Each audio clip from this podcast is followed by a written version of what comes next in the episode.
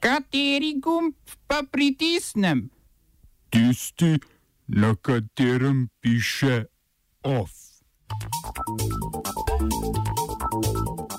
Fides otegnil podporo Manfredu Webru kot kandidatu za predsednika Evropske komisije. Turški vrhovni volivni svet razglasil ponov, ponovitev županskih volitev v Istanbulu. Afriška unija je podprla čimprejšnji prenos oblasti v Sudanu z vojske na civilno vlado. Razpoke v Muzeju sodobnih umetnosti Metelkova in ženska sperma v kapelici.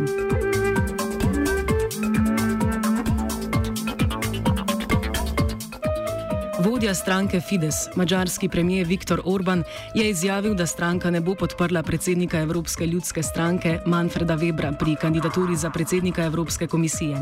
Nenadni otek podpore Webru je posledica njegove izjave, da ne želi postati predsednik Evropske komisije z glasovi podpore Fideza, kar je Orban interpretiral kot želitev Mačarov.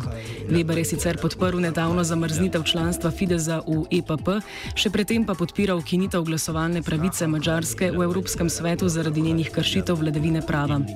Ob otegnitvi podpore predsedniku največje stranke v Evropskem parlamentu je Orban predlagal tudi večje sodelovanje krščanskih demokratov in konzervativcev z bolj desnimi strankami. Kot primer dobrega sodelovanja pa navedel avstrijsko vladno koalicijo med ljudsko stranko in svobodnjaki.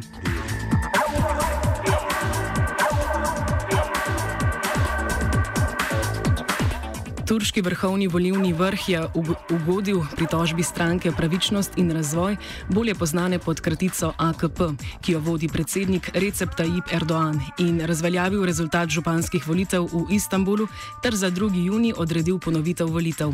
AKP je na marčevskih volitvah v Istanbulu po 15 letih izgubila mesto župana.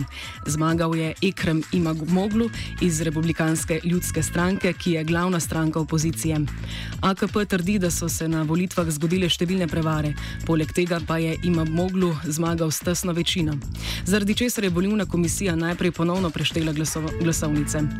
Erdoğan, ki je svojo politično kariero začel kot istambulski župan, je izid volitev označil kot organiziran kriminal in zatrdil, da v mestu z dobrimi desetimi milijoni volilnih upravičencev manj kot 15 tisoč glasov razlike med županskima kandidatoma ne zadostuje za zmago.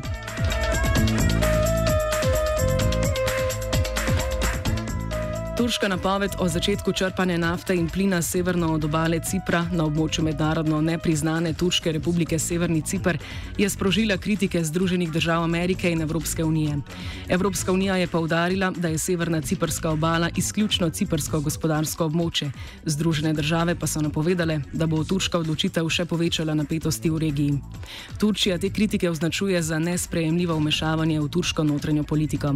Severna obala Cipra je že leta znana kot območje, območje, bogato z nafto in plinom, zaradi česar je Turčija že leta 2009 podjetju Turkish Petroleum podarila dovoljenje za črpanje. Cipr na drugi strani ima sklenjene pogodbe o črpanju nafte s francosko korporacijo Total, italijansko Eni in ameriško ExxonMobil.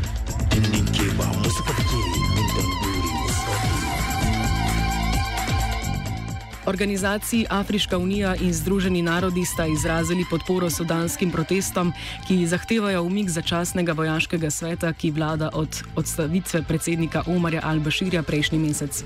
Afriška unija je tako podaljšala rok, v okviru katerega naj bi začasni vojaški svet odstopil v prid civilno vodene vlade z 15 dni na 60.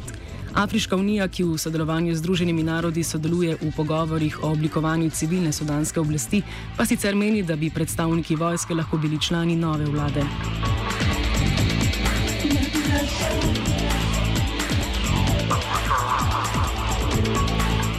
Odbor Združenih narodov za biodiverziteto in ekosistem je objavil obsežno poročilo z glavno ugotovitvijo, da onesnaževanje in potrošništvo znižujeta kvaliteto ekosistemov hitreje kot kadarkoli prej. Poročilo tako ocenjuje, da bo v primeru nadaljevanja trenutne svetovne okoljske politike v naslednjih desetletjih ogroženih tudi do 40 odstotkov dvoživk ter tretjina koral in morskih sesalcev.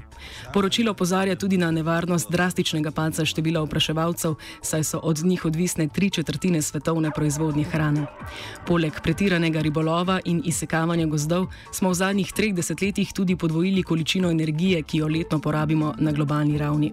V pričo teh podatkov odbor za biodiverziteto poziva k ukinitvi vseh subvencij za gospodarske panoge, ki onestežujejo in k redefiniciji pojma uspešna ekonomija, ki se po njihovem mnenju ne bi smela meriti v BDP-ju, ampak po kriterijih dolgoročnega kakovostnega življenja.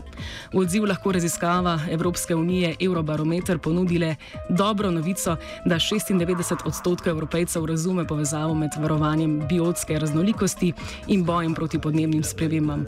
Kar 41 odstotkov evropejcev celo razume pojem biotska raznolikost, kar je 11 odstotkov več kot pred štirimi leti.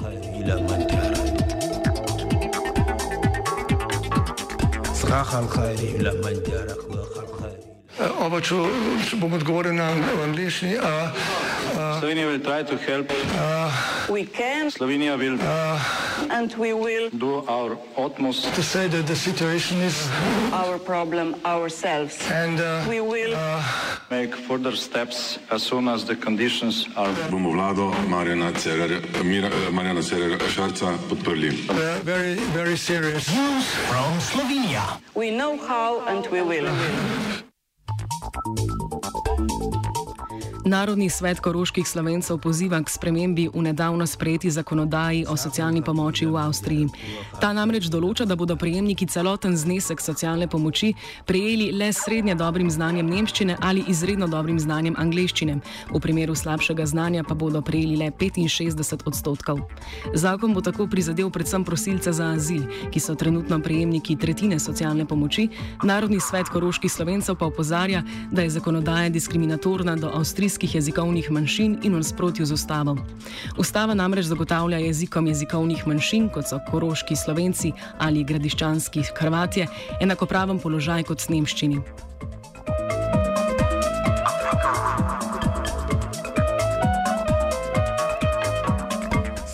Poslujoči tajnik Narodnega sveta koroških slovencev Marko Oraže pojasni, ali je zakonodaja diskriminatorna na praktičnem ali načelnem nivoju. Ne gre, ne gre nujno za, za praktično uporabo uh, slovenščine kot uradni jezik oziroma kot jezik tak, temveč bolj je to uh, načelno vprašanje, ker Avstrija ima v svojem uh, zakonu, uh, se pač po zakonu tudi priznava k uh, avtohtonim narodnim skupinam, bodi si, da je to slovenska, hrvaška, mađarska, češka, slovaška, kakoli. In v tem primeru so vsi ti jeziki, ki so tudi priznani in katerim se vse priznava, s tem novim zakonom niso upoštevani. In mi mislimo, da je na podlagi tega pač poslabšanje za pripadnike narodne skupnosti. Dejstvo je, da, so, uh, da je recimo uh, koroški slovenci, kot tudi štajarski slovenci ali gradiščanski Hrvati soja zapisani, recimo tudi v členu 7 avstrijske državne pogodbe, kjer jim pač Avstrija zagotovi, da je njihov jezik tako rekoč isto vreden, enako vreden in da bo Avstrija skrbela, da se ohrani. S tem zakonom, z novim, pa pravzaprav tem jezikom potem ne priznava več te iste vrednote, ki jo imajo pravzaprav iz zgodovine, iz, uh, iz raznih zakonov tudi že dosedaj zajamčene. V čast 50. obletnice Radia Student aktualno politična redakcija nadaljuje z razpravami o novinarstvu in inštitucijah. Od četrte ure dalje tako v Švicariji in v Etru potekajo okrogle mize na temo kulture v Evropski uniji, gospodarskega kriminala in nogometa. Ob štirih začnemo z okroglo mizo Kultura Evropske unije, na kateri se bodo soočile vse stranke, ki kandidirajo na volitvah v Evropski parlament.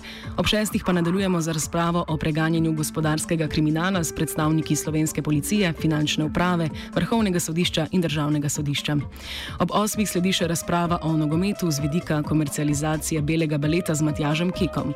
Več informacij o dogodkih je na voljo na Facebook strani Radia Student. OF je pripravila Geja.